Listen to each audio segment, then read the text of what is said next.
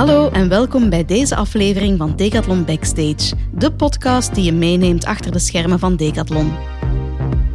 In deze podcastserie gaan we het hebben over tal van onderwerpen die vooral te maken hebben met de bedrijfscultuur, nieuwe vormen van management, coaching en nog veel meer. En mijn naam is Julie. Ik werk intussen zes jaar voor Decathlon en begin dit jaar besloot ik samen met een groep collega's het podcastproject in het leven te roepen. Om enerzijds verhalen over sport te vertellen en anderzijds jullie dus mee te nemen in onze bedrijfscultuur. Welkom in ons verhaal.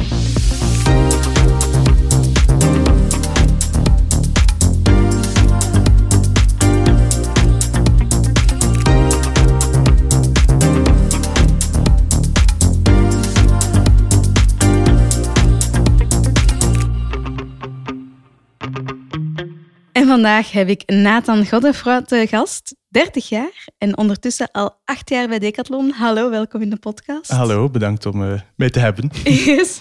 Uh, na een opleiding handelsingenieur te Gent uh, kwam je op een jobbeurs aan aan de praat met Decathlon. En de klik was er meteen en je besloot te beginnen in Decathlon Roeselare, maar jouw hart ligt in Gent. Dus hm. besloot je met de nieuwe winkelopening daar te gaan werken als afdelingsmanager. Je volgde eigenlijk het klassieke decathlon-parcours, uh, waar dat je de verschillende uh, stappen doorloopt. Uh, van exploit-verantwoordelijke in Kortrijk naar Gent-directeur in opleiding. En dan kwam eigenlijk de eerste stap, samen met Katrien, in de transformatie, waar, waar, dat we het over hebben, heel de podcast lang. Daarna vertrok je op reis naar Zuid-Amerika voor zes maanden, waarna je bij terugkomst de kans kreeg om je rol uit te schrijven. Dat is, mhm. eh, ja, dat is ook weer iets typisch. Zeker. Ehm, en naast coaching en supply besloot je mee aan de visie van Decathlon te schrijven. Nu ligt vooral de focus op het circulaire en duurzaamheid. Ehm, dus eigenlijk van het klassieke Decathlon-parcours ja, gaf transformatie jou de kans om je eigen rol te schrijven, eh, waarin coaching en begeleiding van mensen key is. Absoluut. heb ik dat een beetje goed omschreven? Ik zou het zelf niet beter kunnen zeggen. dat ik dat helemaal uh, mooi heb voorbereid. um, ja, we hebben het um, al een aantal afleveringen mm. gehad over die transformatie, over ja. ons bedrijf. We praten altijd over die decathlon DNA. Mm -hmm. Wat onderscheidt ons DNA van, van andere retailers of andere bedrijven volgens mm. jou? Well, ik denk dat er ja, sport is sowieso al iets dat ons typeert in vergelijking met andere retailers. Dat was ook de reden waarom dat ik op die jobbeurs in de tijd uh, voor Decathlon gekozen heb. Ik was uh, super sportief, uh, ik deed graag sport. Van alles, ehm, op, op alle niveaus en dergelijke. En um, ja, dat, dat triggerde mij wel. Um, hetgeen dat mij ook toen triggerde was wel ja, ook de, de diversiteit van, van de job. Binnen de retail kan je, kan je overal naartoe. Uh, communicatie, marketing, retail zelf, uh, productie, logistiek, ook wereldwijd. België, andere landen die, die, ja, waar Decathlon actief is. Dus ik zou zeggen dat zeker sport wel iets is dat, dat Decathlon onderscheidt van andere retailers, sowieso. Maar ik zeg ook altijd dat ik beginnen werken ben bij Decathlon dankzij de sport of voor de sport. Maar dat ik er eigenlijk nu nog altijd ben vanwege het, het menselijke en het humane aspect. Um, en dat is voor mij wel een heel belangrijke. Ik weet nog goed dat zo op nationale meetings en dergelijke maken wij vaak nogal uh, wordclouds. We zijn er nogal uh, fan van, hè, 200 man te samen en wat komt er uit die groep. Ja. En ik zie dan uh, zeven, achttal jaar geleden de wordcloud, wat maakt Decathlon uniek, zie ik daar sport in het midden staan en denk dat daar nu eerder uh, de mens of de Decathlonner of Decathlonster centraal staat. En dat is ook wel iets dat mij, uh, mij enorm ja, passioneert en, en bezighoudt. Hoe heb jij um, de cultuur van Decathlon zien evolueren de afgelopen jaren? Ik denk, goh, sowieso um, het begrip duurzaamheid ja. Um, was in alle eerlijkheid, als ik net begon te werken, iets wat wel aanwezig was, maar ook niet, niet echt centraal stond en dergelijke. En um, ja, als je nu kijkt naar onze bedrijfsmissie, naar onze visie, naar onze, onze bestaansreden enzovoort, dus eh, duurzaamheid staat daar in de kern van alles. Um, en we beseffen ook dat we daar, uh, dat we daar uh, ja, snel op moeten accelereren, dat we moeten inzetten op tweedehandsmarkten, circulaire economie enzovoort. Dus ik denk qua cultuur dat die duurzaamheid zeker een, een meer centralere plek heeft gekregen in, in ja, de werking, treilen en zeilen van Decathlon. Mhm. En daarnaast, wat ik ook wel persoonlijk heb meegemaakt, is um, ik heb twee jaar dan gewerkt met, met heel veel anderen aan de, de visie, internationaal, nationaal, lokaal. En wat dat daar heel leuk was, is eigenlijk voor de eerste keer voor mij in elk geval, um, dat die visie, wij noemen het open to all, was. En waar dat we eigenlijk voor de eerste keer, of, of zo heb ik het toch ervaren, buiten onze vier muren zijn gaan denken. En we hebben eigenlijk die visie geschreven met 100.000 decathloners en decathlonsters wereldwijd. Maar ook met, met klanten, met bedrijven waarmee dat we samenwerkten, met de overheden enzovoort. En dat was, wel, uh, dat was wel leuk, omdat we hebben nogal de neiging, denk ik, om, om het te doen zoals we het gewoon zijn. In onze blauwe doos. Voilà, met ons blauw bloed, inderdaad. En um, ja, ook nu in, in, in mijn, mijn dagelijkse projecten enzovoort probeer ik dat ook mee te nemen. En ik zie dat ook, ook met onze marketplace, met partnerships die we doen. Meer en meer um, openen we onze, onze deuren en onze, onze mindset naar anderen om, om gewoon te kijken waar zijn wij goed in, waar zijn anderen goed in en hoe kunnen we samen sport toegankelijk maken voor, voor zoveel mogelijk mensen. Mm Dus ik denk dat die twee zaken, duurzaamheid en anderzijds openstaan om, om samen te werken met anderen, concurrentie, goh, laat ons gewoon samenwerken om sport toegankelijk te maken. Ik denk dat dat wel twee grote, grote veranderingen zijn die, die, ja, die ik heb meegemaakt de, de afgelopen uh, jaren. Right. Mm. Um, wat zijn de, de bouwstenen van de bedrijfscultuur binnen Decathlon? De bedrijfscultuur vind ik, dat is ook misschien iets dat, dat ons uniek maakt. Ik moet eerlijk zeggen, het is mijn eerste uh, en enige uh, werkgever en, ja. ik denk dat dat ook wel zo zal blijven. Um, maar wij, allee, ik vind dat Decathlon toch, toch een zeer sterke bedrijfscultuur heeft. Ik kan het niet vergelijken met andere retailers, nee. daar, daar, daar heb ik geen kennis over. Maar um, ja, het is eigenlijk al die bedrijfscultuur, onze missie en dergelijke, om de vier, vijf jaar verandert dat wel eens, maar die mm -hmm. kern blijft altijd hetzelfde. En, um, en wat is die kern dan? Wow, we hebben eerst en vooral onze, onze missie is altijd hetzelfde geweest. Hè. Dus dat is uh, op een duurzame manier plezier en de voordelen van sport toegankelijk maken voor zoveel mogelijk mensen.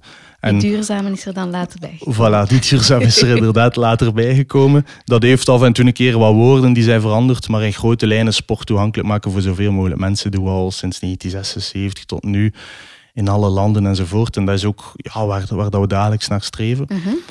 En anderzijds ja, onze waarden. Hè. Um, af en toe hebben we een keer twee gehad, een keer vier, soms een keer drie, soms een keer vijf. Maar um, ja, als ik, als ik met, met, met collega's uit, uit China, uit San Francisco, uit, uit Ghana of zo babbel, dan merkte dat enerzijds die passie voor sport is uiteraard aanwezig, ja. maar anderzijds zijn dat ja, vitale mensen, verantwoordelijke mensen die, die durven beslissingen nemen, die heel hard vasthangen aan, aan hun project en, mm -hmm. en dan met de, alle, alle energie van de wereld zo goed mogelijk proberen te doen. Um, authenticiteit is een waarde die we ook hoog in het vaandel dragen. Um, denk dankzij die humane transformatie uh, slaag ik er in elk geval in om, om authentiek te zijn en, en mezelf 100% te kunnen zijn. En dan generositeit is, is onze vierde waarde, naast vitaliteit, verantwoordelijkheid en, um, uh, en authenticiteit. ja, inderdaad. Dus generositeit is ook ja, het, het delen met anderen. Um, ja. Geven zonder iets terug te willen. Um, realisaties, fouten, failures ook delen. Uh, zodanig dat iemand anders er ook iets van, uh, van kan leren. En um, ja, dus dat zijn een aantal, een aantal bouwstenen van die bedrijfscultuur. En misschien nog, um, of een voorlaatste dat ik, ze, dat ik ze wil aan toevoegen, is wij hebben ook een soort van ja, lijst van tien geboden, of hoe moet ik het zeggen. is eigenlijk een beetje de humane fundamentals van Decathlon. Oké. Okay. En dat zijn eigenlijk zaken die al, ja, die al jaren werken, waar mm -hmm. dat we eigenlijk is misschien de enige regels die we echt hebben van oké, okay, iedereen heeft één keer om de vier tot zes weken een uh, gesprek met zijn of haar coach, zijn of haar leader enzovoort. Ja. Um, we delen uh, de winst van de onderneming ook onder de vorm van aandelen onder de medewerkers en dergelijke. We vieren overwinningen samen. Um, en dat zijn zaken die, die, die in de jaren 80 werkten, die in de jaren 90 werkten, die, die de afgelopen jaren werken en die in de toekomst ook wel nog zouden werken. Dus dat is eigenlijk uh, naast onze missie, onze waarden, wel nog een derde iets. En um, je sprak daarnet ook, wat is er geëvolueerd de afgelopen mm -hmm. jaren? Wat dat zeker geëvolueerd is, is onze, echt onze bestaansreden. Ja. Sinds denk ik een jaar, jaar en een half ongeveer, misschien iets langer zelf, um, is eigenlijk onze bestaansreden om nuttig te zijn voor de mens en de planeet. En ik moet eerlijk zeggen dat dat wel toch mijn dagdagelijkse activiteit naar een, naar een hoger level uh, getild, uh, getild heeft. Um, om eigenlijk constant u de vraag te, de vraag te stellen, wat ik aan het doen ben, is dat nuttig voor mens en planeet?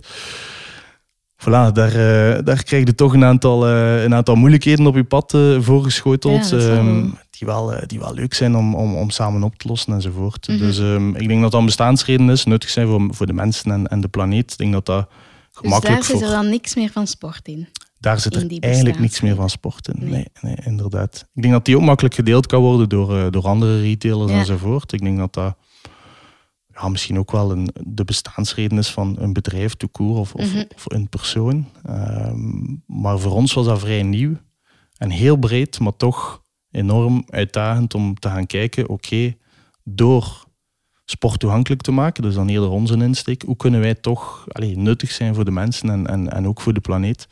En dat is toch wel een leuke, ja, een leuke verandering de afgelopen ja, jaren. Ja, inderdaad. De next level. We hebben het in de um, afgelopen afleveringen gehad over de transformatie Mm. binnen Decathlon. Ja. Um, hoe heb jij die persoonlijk beleefd? Mm. Ik kan een keer goed, uh, goed gaan snuisteren in het, uh, in het verleden. Maar eigenlijk niet in het verleden, want uh, ik kom net terug van een, een driedaagse opleiding. En waar dat die humane transformatie toch wel zeer centraal staat. En um, ja, de, de kern van die opleiding was ook um, zelf transformeren om te transformeren. En ik denk dat ik het ook wel zo ervaren heb. Ik denk Ja. dat ik in Decathlon begonnen ben als uh, ja, de, de economist die net was afgestudeerd. en uh, bij Decathlon begonnen en zo rap mogelijk directeur wou worden enzovoort. En, en, en geleidelijk aan ook wel ontdekt van... Hm, is dat wel wat ik wil, wie Ja. ik ben? Um, altijd meer, altijd beter. Directeur of niet, allee, whatever. Wat wil ik beleven in mijn, in mijn leven? Wat wil ik bereiken binnen Decathlon enzovoort. En um, ja, ik denk dat in vergelijking met vroeger, voor die humane transformatie, um, dat ik vooral blij was misschien als, als mensen ook beslissingen namen die in lijn lagen met hoe ik ze zou nemen. en ik denk dat de laatste jaren gewoon um, heb ik leren loslaten, controle leren loslaten. En, en nu haal ik mijn energie uit het feit dat er zoveel beslist wordt. Maakt niet uit of, of dat mijn beslissing is of, of, of van iemand anders, of dat in lijn ligt met hoe dat ik het zou doen of niet. Maar je ziet wel dat onze 3000 medewerkers in België durven zaken ondernemen en beslissingen nemen. En corona komt eraan, oké, okay, winkels dicht, maar voilà, duizend en één ideeën, het klimaat om, om, om te ondernemen enzovoort. En, en dat is wel een waar ik veel, uh, veel, energie, uh, veel energie uit haal. Ja, ja. absoluut. Je had het aan, uh, heel veel ja, van onderuit, ideeën, mm. projecten. Um, hoe is die transformatie in een winkel gegaan? Want mm. we praten altijd um, ja, van, van het bedrijf. We hebben verschillende afdelingen binnen ons bedrijf, maar Ja. een van de grote Absoluut. afdelingen, om het zo te noemen, zijn de, zijn de fysieke winkels. Ja. Hoe ging dat daar om, uh, om zo'n transformatie te hebben? Want daar zaten we echt wel met die vaste klassieke structuur waar, waarin ik het, uh, waarover ik het had in de intro. Ja. Jij bent opgegroeid van afdelingsmanager Zeker, naar ja. exploit, hè, verantwoordelijk voor, voor heel de, de, de, het winkelgebouw, zeg Ja, maar. ja. Dan directeur in opleiding. En, Mm. en dan komen ze af met die transformatie en, en ze zeggen...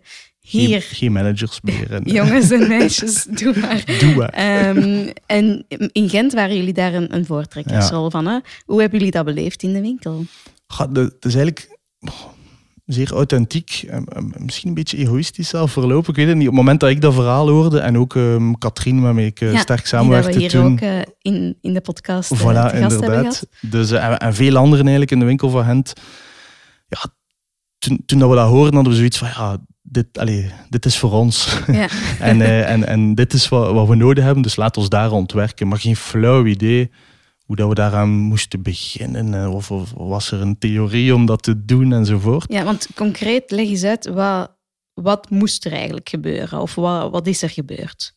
Bij ons kwamen er eigenlijk twee zaken die, die samenvielen toen. Um, dat was um, toen mijn coach en, en Katrien haar coach en de persoon die ons, die ons goed begeleidde, Bart Ongenaat, die nu Ja. in Japan werkt. Um, ja, Bart, kwam ook uitleggen van um, opleidingen die hij gevolgd had en, en boeken die hij gelezen had en, en humane transformatie en Frederik Laloux en van, die toestand. En oké, ja, interessant. Maar aan de andere kant zagen wij dat er in, in, in, in ons team, waar dat wij deel van uitmaakten, enorm veel talenten zaten maar dat die niet altijd ten volle benut werden. Ja. Er waren heel veel mensen in, eh, in de winkel van Gent toen, en, en uiteraard nog steeds, en in veel andere winkels, die ja, misschien verkoper waren op de watersportafdeling, Mhm. maar eigenlijk super gepassioneerd waren door het duiken, maar eigenlijk totaal niet gepassioneerd waren door het zwemmen. Nee. En iemand die supergoed was in, in eh, cijfers, maar totaal niet goed in communicatie. En geleidelijk aan zijn we echt gaan, gaan kijken naar... We hebben eerst zeer sterk ingezet op het individuele. Eh, individuele begeleiding. Wie ben ik? Wat wil ik bereiken in mijn leven binnen Decathlon? Wat zijn mijn talenten? Waar ben ik goed in? Waar ben ik niet goed in? Waar heb ik hulp bij nodig? En zo geleidelijk aan heeft zich dat geuit in, heel veel mensen die zeiden... Oh, mijn job als verkoper watersport... Oh, dat is wel leuk, maar eigenlijk is dat niet 100% mijn ding. Ik zou eigenlijk liever de communicatie eh, doen van de winkel en anderzijds ook ehm, mij enkel en alleen focussen op de duiksport. Terwijl ik collega's heb die misschien vroeger op de voetbalafdelingen werkten, die eigenlijk meer op het zwemmen kunnen focussen bijvoorbeeld. En dat was iets zeer complex, beetje chaotisch, toch ook wel Ik soms. wou het net aanhalen. Het voilà. klinkt heel chaotisch. Ja, echt ja, 80 mensen die tegelijkertijd op dezelfde moment ongeveer beginnen schrijven van oh, ik zou liever dit doen en, en dit is mijn ideale job en blanco papier enzovoort. Maar ik daarom dat je daarnet vroeg, eh, hoe, hoe heb ik het persoonlijk ehm, ervaren of, of beleefd, is, hij is ook durven loslaten op die momenten. En dan zijn er op die momenten misschien zaken die minder goed verlopen en, en de winkel lag er misschien iets minder, iets minder proper bij de heel korte periode. Ehm, ja, misschien zelf als, als, als, ja, als, als, als leader van de winkel dan misschien minder op de hoogte van bepaalde zaken. Maar ja, ik, ik heb altijd wel heel veel vertrouwen gehad. En, en, en ik zag gewoon rondom mij dat er heel veel bougeerde, heel veel veranderde. En dat mensen echt wel durven ook te uiten van de job die ik nu doe. Het A4-bladje dat ik kreeg als ik hier bij Mhm. Decathlon binnenkwam van kijk, dit is uw job en, en, en doe het. Maar dat is eigenlijk niet 100% voor mij. En, en ik heb een talent voor eh, social media. En dus ik wil eh, de Instagram van de winkel lokaal doen, bijvoorbeeld. En dergelijke. Dus ja, ik zeg, ehm, dat was heel, ehm, heel veel energie en heel, Ja. veel, heel veel activiteit daar rond. Dat wel. Ja. Ehm, En is die chaos dan naar de rand wat, wat verdwenen? Zijn er dan toch wat meer regeltjes gekomen, om het dan toch zo te noemen? de- eh, ja, maar het heeft even geduurd wel. Het Misschien is- niet onbelangrijk. Heeft, Ja. de, heeft de winkel daar dan onder geleden? ehm, in, naar de klant toe bijvoorbeeld? Of, of Ja. in, in de cijfers? Wat we eigenlijk van in het begin zagen, puur cijfermatig dan, is dat de, de cijfers die te maken hadden met klanten en met medewerkers zelf, dat die eigenlijk zeer positief waren. Een beetje het cliché, gelukkige medewerkers, gelukkige klanten, maar, Ja. maar dat, dat bewees zich wel ook toen. Ik spreek echt voor Gent. hè. En wat we wel gedaan hebben, is we hebben iets meer geïnvesteerd en iets, iets hogere kosten gemaakt dat eerste jaar, net voor die individuele begeleiding. Personeelskosten dan. Personeelskosten, inderdaad, absoluut. Om, om eigenlijk de tijd en de ruimte te creëren, zodanig dat mensen ja, konden, konden gaan snuisteren van wat wil ik, wat wil ik beleven, hoe, hoe gaan mijn nieuwe rol eruit zien, Mhm. Hoe groei ik daar naartoe. Je kan ook niet gewoon zeggen, ik ben nu verantwoordelijk voor het zwemmen en duiken, ik wil enkel duiken gaan doen. Ja, ik laat het zwemmen gewoon vallen, dat, dat gaat ook niet. Dus eh, dat was eigenlijk een periode waar dat we ehm, ja, iets hogere personeelskosten hadden, omdat mensen eigenlijk ja, misschien iets minder tijd investeerden in, in klanten en meer in zichzelf. Ja.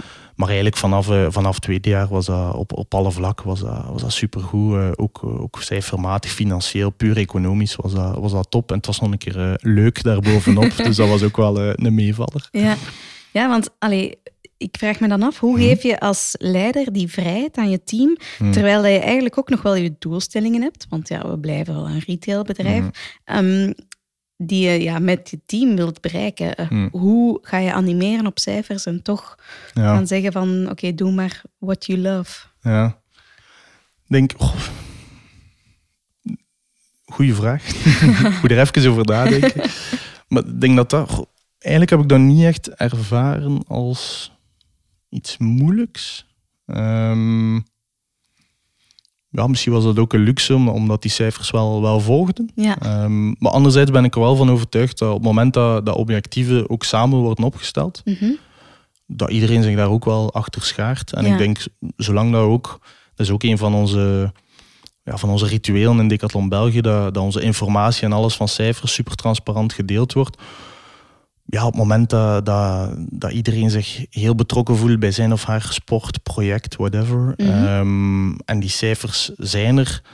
En, en je kunt als volwassen mensen tegen elkaar spreken van die zijn supergoed of die zijn niet goed, wat doen we eraan? Zonder echte oordelen van het is, het is uw fout dat uw cijfers niet goed zijn, het, het heeft misschien een andere reden enzovoort. En ik denk, zolang dat die, die, die transparantie van over cijfers er geweest is en, en dat ook het klimaat er was om, om open met elkaar te spreken, ook als cijfers niet goed waren, ik denk dat dat eigenlijk de, de ja, een beetje organisch de weg was om, om uiteindelijk toch wel die cijfers te bereiken. Ja. Is misschien wel een voordeel van, um, van de cultuur en de waarden binnen Decathlon. Zijn allemaal sporters. Dus als we ergens zeggen, uh, ik wil mijn marathon onder vier uur lopen, dan, dan gaan we het wel halen. En als we ergens zeggen, ik wil uh, dit als objectief met mijn sport, mijn afdeling, mijn team, mezelf, dan ja, zit het wel in ons DNA om, uh, om er competitief ook wel wat na te streven. Dus dat is misschien een geluk van, van wie dat we zijn. Ja, dat wou ik ook nog aanhalen. Inderdaad, je hebt dat competitieve bij, bij de medewerkers ook. Hè.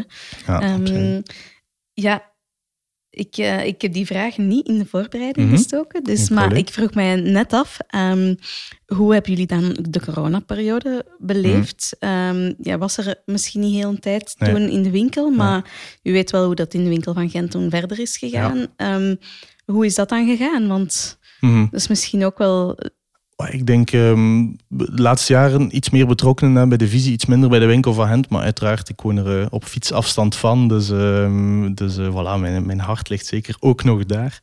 Um, maar eigenlijk, in gans België was dat wel voor mij persoonlijk zeer aangenaam om te zien.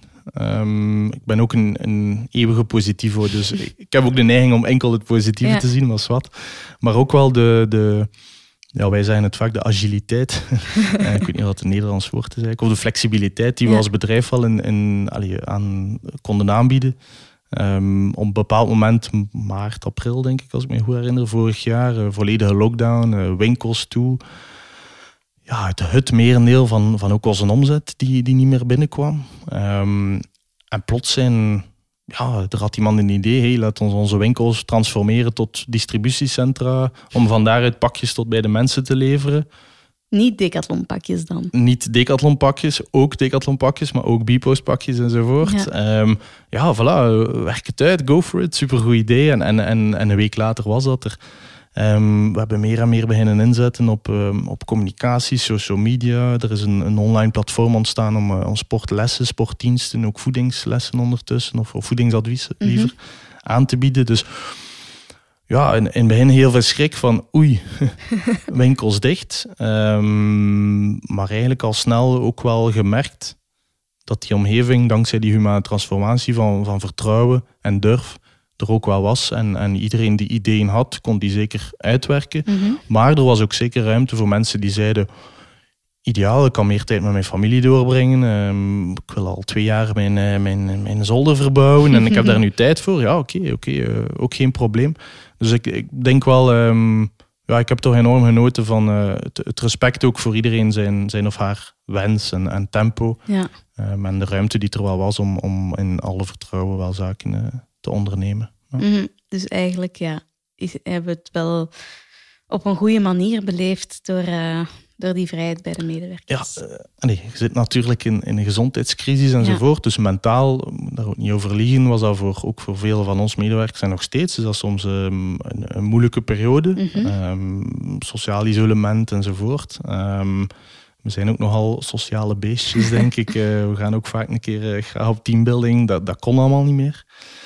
Maar uiteindelijk, ik, ik kijk er wel met een, een, een positief, positieve blik terug naartoe. Ja. Um, omdat we er heel veel uit geleerd hebben. Ook economisch niet, niet makkelijk. Hè? heel veel omzet um, die plots niet meer binnenkomt. Dus, dus daar ook creatief moeten zijn. Maar ik denk, denk wel dat we, dat we sterker zijn uitgekomen naar de, naar de komende jaren toe. En, en veel lessen hebben getrokken, dat wel. Ja, we hebben het altijd over dat bedrijven moeten transformeren om te mm. overleven, eh, of hm. alleszins om de boot niet te missen. Um, wat zijn volgens jou de gevaren, de risico's voor een bedrijf als Decathlon om zichzelf te willen transformeren? Mm. Ik, ik, heb het altijd moeilijk met, moeten of, of het is een verplichting of, of je moet transformeren enzovoort. Ja, ik denk ook niet dat, dat wij moeten zeggen tegen andere bedrijven, uh, je moet transformeren. Ik denk dat wij gewoon gedaan hebben wat dat voor ons op die moment um, het, het meest um, of het beste leek ja. uh, en het meest logische leek. En ik denk die transformatie, ja, wat is een transformatie? Ook het, het, werken in een netwerk en dergelijke, ik zie dat eerder als een, als een tool. Um, hetgeen dat wij een aantal jaren geleden ons hebben afgevraagd met Decathlon België, um, is eigenlijk gewoon van oké, okay, hoe kunnen we ervoor zorgen dat iedereen 100% op zijn of haar talenten werkt, um, kan ondernemen, waardoor dat wij eigenlijk als bedrijf veel flexibeler, veel, uh, veel, veel agieler mm -hmm. uh, kunnen zijn. En daar zijn er een aantal zaken uitgekomen. En wij hebben dat dan de humane transformatie genoemd. Maar wat ook leuk is om te zien, is dat in Decathlon Antwerpen hebben ze andere zaken ondernomen dan Decathlon Bruggen of Decathlon Arlon bijvoorbeeld. En dat is echt iets op, maat gemaakt. Dus ik denk dat wel interessant kan zijn voor andere bedrijven om, om, om, om eens te gaan kijken hoe we vandaag leven en samenleven en samenwerken is dat de manier waarop dat we willen samenwerken en willen leven en samenleven enzovoort? Um, of niet? En wat moet er dan veranderen? Maar ik denk dat het wel aan, aan ieder bedrijf op zich is om, om te kiezen. Wij doen het met managers of zonder managers, of, of in een netwerk of in een hiërarchie, of, of met tools of zonder tools of, of whatever. Maar ik denk dat het wel heel belangrijk is om, om te beseffen. Ja, mensen zijn, zijn, zijn, spenderen meer tijd met de collega's dan, bijna met de familie. -hmm. En ik denk dat het wel, um, wel heel belangrijk is om, um, om als bedrijf ook ja, te gaan kijken hoe kunnen we die tijd uh, super aangenaam maken, leuk maken, fun maken. En, en zeker een omgeving creëren waarin mensen vooral zichzelf als persoon kunnen, uh, kunnen ontwikkelen. Maar de hoe om daar te komen, ja, wij, wij hebben die ja, gevonden zeker niet. Wij, wij zijn die gaandeweg uh, aan het vinden nog steeds. En ik denk dat je andere bedrijven die ook, die ook moeten vinden. Ja. En ik denk dat er zeker ook andere bedrijven zijn die ja, die, die, die ons heel veel zaken kunnen bijleren. Ik denk mm. het niet, ben, ben het zeker. dus um, ja, ik denk dat dat gewoon in een heel open, uh, op een heel open manier moet kunnen gediscussieerd worden. Doe jij 100% graag wat je nu aan het doen bent binnen, binnen het bedrijf? Gaan we samen naar de bestemming waar dat we samen naar willen toegaan? Um, amuseren we ons? Um, is iedereen zichzelf?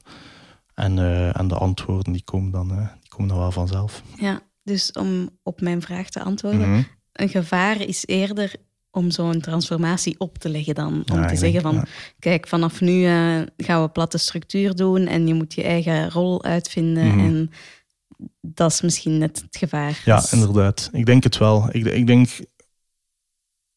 de organisatiestructuur als een doel op zich zien. Dat gaan, allee, ik, ik, ik ben ervan overtuigd dat dat niet gaat werken. Nee. Ehm, ik denk het doel moet zijn eh, iedereen 100% authentiek laten zijn, agiel zijn als bedrijf, klanten supergoed kunnen helpen, eh, nieuwe, nieuwe businessmodellen ontwikkelen, goed doen voor de planeet, voor de mensen enzovoort. En hoe gaan we daar naartoe? Ja, bij ons was dat dan werken in een netwerk. Eh, bij een ander bedrijf kan dat, kan dat iets anders zijn. Maar ehm, echt gaan zeggen van kijk, vanaf eh, eh, 1 juli stoppen we met ehm, eh, al onze managers en eh, werkt iedereen in autonome teams die alles democratisch beslissen enzovoort. Zonder ook te werken op het individuele ehm, en, en individuele begeleiding enzovoort. Ik denk niet dat dat de, dat, dat de way to go is. Nee, want eigenlijk hebben we dat in op sommige momenten wel een beetje gedaan, Mm. dat, dat opleggen. Ja. Ik weet dat sommige winkels, dat wij de oudere winkels noemen, die het langste in België bestaan, zoals Antwerpen, Anderlecht, Mhm. dat er daar wel een, een paar medewerkers het moeite hadden met het feit dat er geen hiërarchie meer was, omdat zij zeiden, ja, ik heb liever een- een baas die mij zegt Mhm. wat ik moet doen. Mhm. Ehm, En dat is oké.